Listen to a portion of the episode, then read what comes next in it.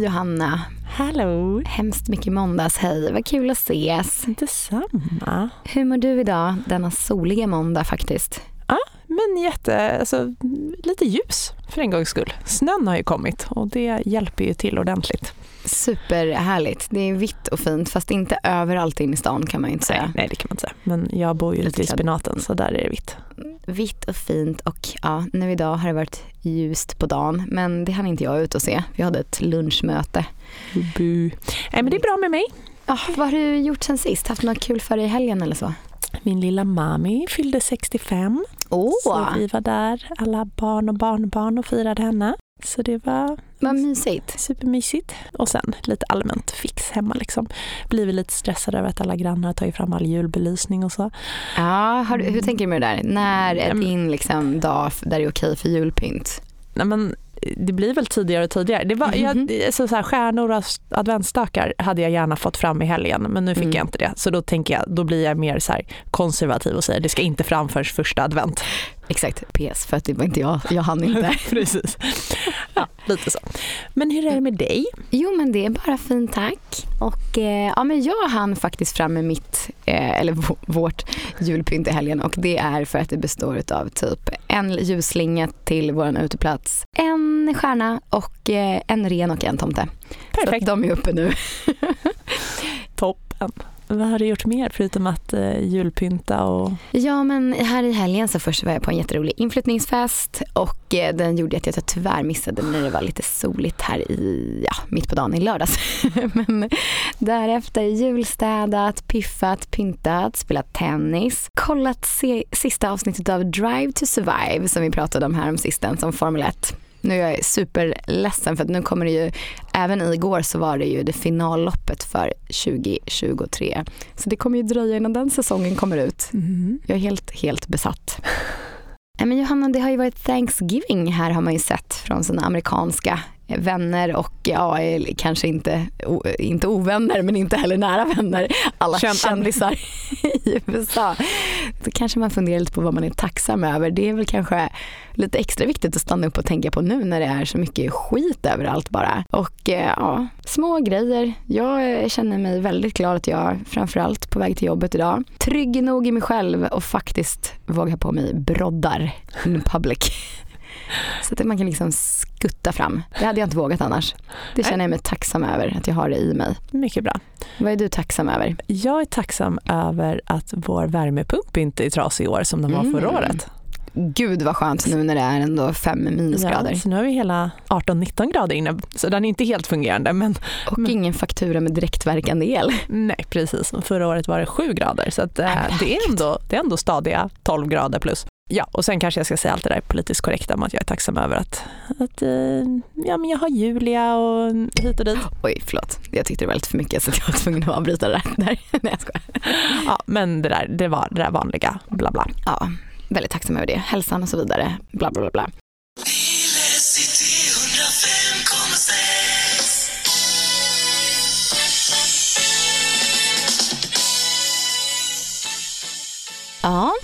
Nyhetssvepet då sen sist. Eh, vi har ju kommit från en helg där det varit eldupphör i Gaza. Och det är ju, man får ju verkligen vara tacksam över de, nu säger jag tacksam här igen då, men glad för de små, ändå liksom pytte, pytte, pytte positiva vinsterna i den här otroligt läbbiga konflikten. Ja. Så man har ju hört att det varit lite utbyten utav eh, gisslan men, och att den kanske skulle förlängas. Det kanske när den här podden kommit ut Ja. att vi får svar på det. Men det är ju ändå något som har varit headlines förstås sista, eh, sista dagarna. Verkligen. Jag, tyckte, Ja. jag blev så berörd när man såg de här israeliska barnen när de eh, återförenades med sina mm. familjer. Att, det var film och, um, och lite bilder och så. Och jag, jag antar att det är bra på ett sätt att det, att det liksom kommer ut filmer på det. Att det får, ja men det har ju varit lite desinformation kring det. Ja, kära, gott. eller kära och kära, Stina håll. Wolter bland annat och sådana som har dri- drivit på liksom Ja, antisemitisk jätteläskigt. Ja, svinläskigt. På så, så sätt är det väl bra att den typen av bevis också kommer ut. Men, Ja, men jag får också lite så här, åh gud, de här barnen ser helt traumatiserade ut eh, och är Ja. ju såklart det efter att ha Ja. varit gisslan så länge i Så man blir också lite 60 så här, dagar eller något. gud ska de verkligen liksom exploateras mer? Men, eh, men det är ju en Ja. bisak i sammanhanget. Ja, men det är så sjukt. Lite på också temat eh, liksom ledsam utveckling i världen och så. så när man hörde Åkessons rant här från deras partidagar Ja, i helgen när man tänker, ah, det, snacka om att driva på de här klyftorna. Det är, jag tycker att det är rakt över disk lite läskigt nu. Och hur vi eh, tänker att vi ska behandla folk som ändå har uppehållstillstånd här, medborgarskap. Att vi ska kunna dra tillbaka det. Att vi skulle gå tillbaka till att vi gör skillnad mellan folk och folk. För har du väl ett medborgarskap, mm. att man då skulle kunna bli av med det. Men det var väl om man har liksom ljugit sig till det eller så? Jag Alltså tyckte att det- en av punkterna som de drog upp var ifall Ja. du har eh, varit hos Kronofogden.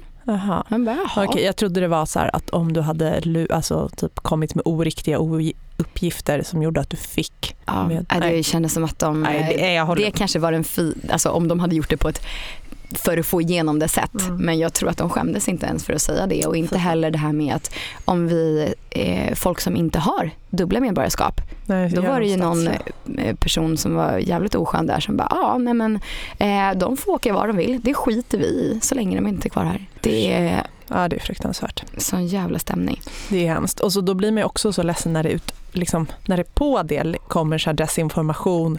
Ja, men det här talet em, som eh, statsministern hade i Mm. Göteborg, den här öppna utfrågningen. Ja, När, det, när han han blir att de- utbuade när, de, när de fördömer Hamas. Ja. Och sen när han pratar och stakar sig lite och skulle säga någonting och så liksom grammatiken, ordföljden blev fel så det blev folkm. Ja, det lät som att han skulle säga de har rätt Ja. till folkmord. Ja, men det kanske var de har rätt till försvar för mot folk. Alltså så. Ja. Och att man då ser, jag har sett en del ganska väletablerade konton Mm. lägga upp och typ Amnesty bland annat kring det här som att han menade folkmord och då blir man ju också, så det är som så här- desinformation som, som är skadlig och farlig Ja. för Sverige. Men och man vet att ibland så kan du bara få en sån himla brain freeze och du råkar säga något som bara är i huvudet. Det Ja, var precis som Magdalena Andersson liksom. som råkade säga när hon Sa eh, Jamal, eller Hamas. Hamas. Ja. Ja, och det är ju såklart att hon inte menade det. Utan Nej. bara, vad har, alltså en, en stackars lilla järnbank där inne. Ibland så blir det ju bara fel. Ja. Mental kalops. Ja, precis. Så att eh, sluta med desinformationen, sluta med galna uttalanden om att riva moskéer och sånt. Och, ja. Ja, ta det lugnt, var snäll. Men om vi ska gå vidare Johanna på lite mer economical terms så eh, i Turkiet, jag vet inte om du såg, men de har höjt sin ränta och den gick raka vägen från 35 till 40 procent. 35 i oktober till 40 procent i november. Det är ju något helt sjukt. Så där ska vi vara tacksamma, där ligger vi ju lite i lä. Ja. ja. Men uppdatering från förra veckan. Ja, i förra veckan kom ju Riksbanken med det, får vi väl ändå säga, glada beskedet att de lämnade styrräntan oförändrad på 4 Ja. Det var ju lite hugget som stucket. Skulle det bli en 25 0,25% i ökning eller skulle de lämna oförändrat? Och de gjorde alltså det sistnämnda. Och argumenten till det var ju att eh, det börjar komma in tecken på att inflationen avtar ganska snabbt och framförallt att arbetsmarknaden försvagas eh, relativt snabbt. Så att man menar att de här räntehöjningarna som har gjorts har bitit och att man nu lite får vänta och se. Men så var de ju såklart väldigt så här, ja men vi är redo att höja igen och vi följer statistiken och så vidare. Men det, där menar ju nu eh, Swedbank i alla fall att det kommer inte bli någon ytterligare räntehöjning. Nu har Riksbanken höjt färdigt menar de i sin senaste prognos och närmast väntar istället en räntesänkning i juni som en liten midsommarpresent till folket. Wow. Ja, de hade räknat med att Riksbanken skulle höja nu här förra veckan Mm. men när de inte gjorde det så har de då reviderat ner sin prognos. Och de tror inte på den här varningen som Riksbanken har gett dem att de är beredda att eh, höja igen. Nej. Så Swedbanks scenario är istället att Fed, amerikanska centralbanken, de kommer börja sänka räntorna i april-maj och sen så kommer Riksbanken då hänga på till midsommar. Och bolåneräntorna, där menar man att det kommer ligga still i närtid och de har toppat nu på de rörliga på omkring 4,80. Men där kommer de ligga ett bra tag till utan de här sänkningarna på boräntorna de kommer väl då också först till midsommar. Så att det verkar vara som midsommar, det är liksom Det ser vi fram emot. om vi gör Sommar, sol, kort tajt kjol Snaps och, eh, och... och lägre räntor. Men kan du förstå någon gång i framtiden om vi är tillbaka på att det lär ju inte vara liksom någon minusräntor vi har, alltså typ någonsin igen kanske. Men om vi bara är till- tillbaka på liksom två. Oh, herregud, vad... Det kommer ju vara såna happy times. så min privatekonomi kommer liksom dansa fram på dator, datorna, gatorna. ja, alltså wow, vilken skillnad. Kul! På räntetemat så är det ju som så att skatten på ISK kapitalförsäkring den baseras ju på statslåneräntan i slutet av november varje år.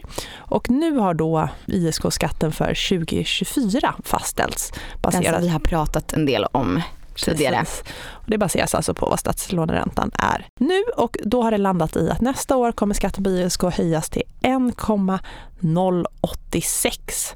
1,09 om du vill avrunda lite, eller 1,1 kanske, avrunda ändå mer. Eh, Och vad innebär det? Jo, men det innebär att om du har 100 000 kronor på ett ISK, då kommer skatten bli 1086 kronor på det året. Just det. Och det kommer då förtryckt på deklarationen eller förtryckt i deklarationen för 2024. Ja, det lilla ska de ha. Det Mm. är man väl tacksam för då. Och då, nu kommer ju frågorna här, så här, ja men den här snabba liksom höjningen på ISK, för det är ju en rejäl höjning gentemot, det är den absolut högsta ISK-skatten vi har haft någonsin eh, by Mm. far och det är en tredubbling de senaste åren. Men eh, är då ISK fortfarande en bra kontoform för våra aktier och våra fonder? Ja, då måste man tänka så här, schablonintäkten som skatten baseras på, den är ju statslåneräntan 2,62 plus 1 procent, det vill säga 3,62 procent. Det är schablonintäkten.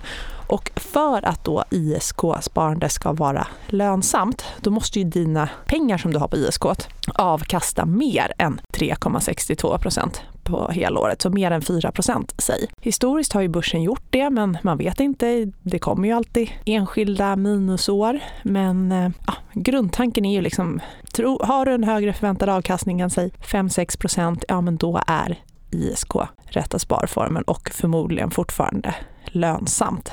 Men, och som när vi pratade om det här någon annan gång, i och med att det barkar åt det här hållet, så tänker jag att så här, orka flytta fram och tillbaka. Vi tror väl kanske långsiktigt att det kommer ligga över det. Precis, skitjobbigt att hålla på och deklarera och flytta fram och tillbaka. Ja. Det man har på ISK slipper man ju deklarera. Ja, nej, på sikt så får vi väl ändå alla hoppas att avkastningen är högre än så.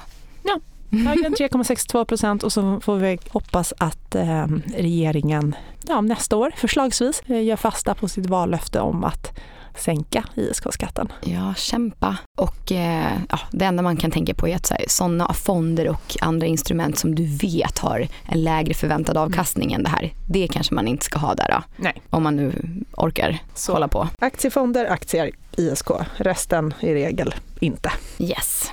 Ja, men Johanna, en annan sak som har lite med det globala makro, makroläget att göra, det är ju, vi diskuterade det också här om sistens, globalfonder och avkastningen där. I och med att en globalfond har ungefär 60% allt annat lika, nästan mer, exponering mot USA, så har vi ju tidigare fått en sån extra liksom upptrissad avkastning i dem på grund av dollareffekten för att den svenska kronan har varit så svag, dollarn har stärkt. Nu har det här börjat ändras lite och om vi tittar på bara senaste månaden så kan vi se att Sverigefonder har presterat rätt bra, eh, lite småbolag och att globalfonder, där ser det liksom en månad tillbaka inte lika hisnande ut.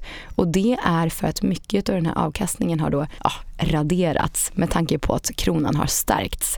Så hur ska vi då tänka med globalfonder framåt? Ja, och är det då så att man funderar på att sälja av globalfonder och köpa mer Sverigefonder för att då bli av med den här liksom dollarexponeringen så ska man tänka på några olika saker. Men det första är ju då att många svenska sparare har ju redan en väldigt hög andel svenska aktier. Alltså förutom att du, du vet, äger din bostad i Sverige, du får din lön i svenska kronor som vi har sagt förut, så ser vi att 50-80% av det totala sparkapitalet ligger i Sverige för svenskar. Och om man tittar på en global indexfond, om vi nu ska jämföra med hur det ser ut där ute, en liksom normal exponering, då utgör ju Sverige 1%.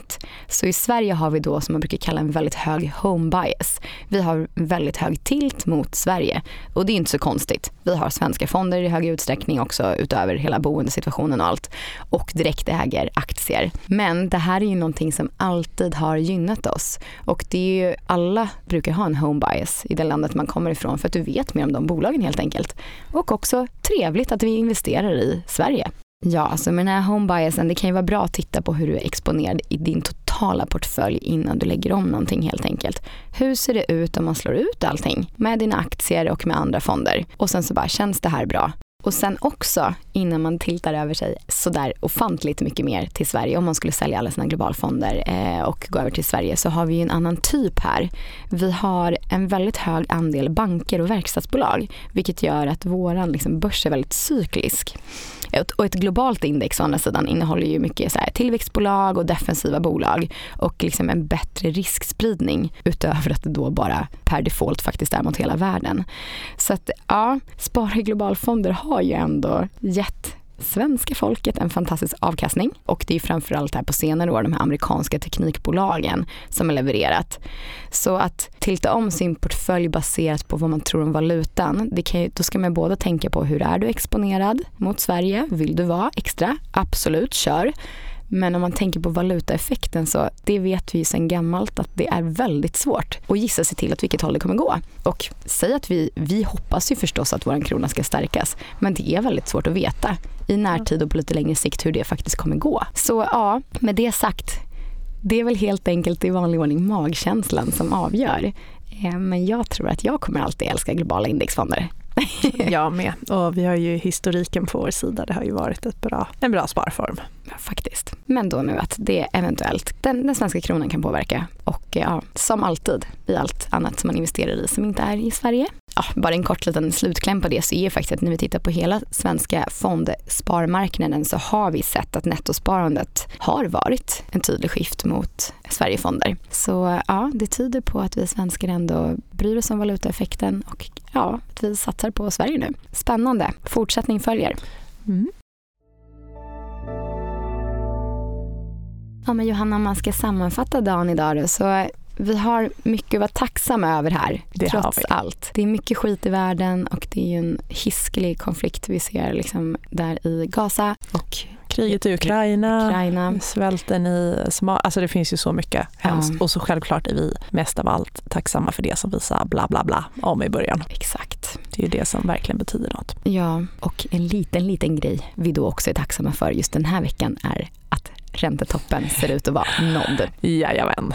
Och ja, vi ser också en stark svensk krona som vi delvis är tacksamma över, men vi undrar hur det kommer påverka våra globalfonder på sikt. Ja, ja och ISK dyrare från och med nästa år, men fortfarande rätt sparform för ditt börssparande. Ja, det brukar väl vara det här du säger, lite sittfläsk är bra. Det ja. brukar ändå ordnas upp sig. Ja. Lång, långsiktigt sparande, still good. Men tack för idag och eh, vi hörs igen nästa vecka. Det gör vi. Tack för idag. Hej då. Hej.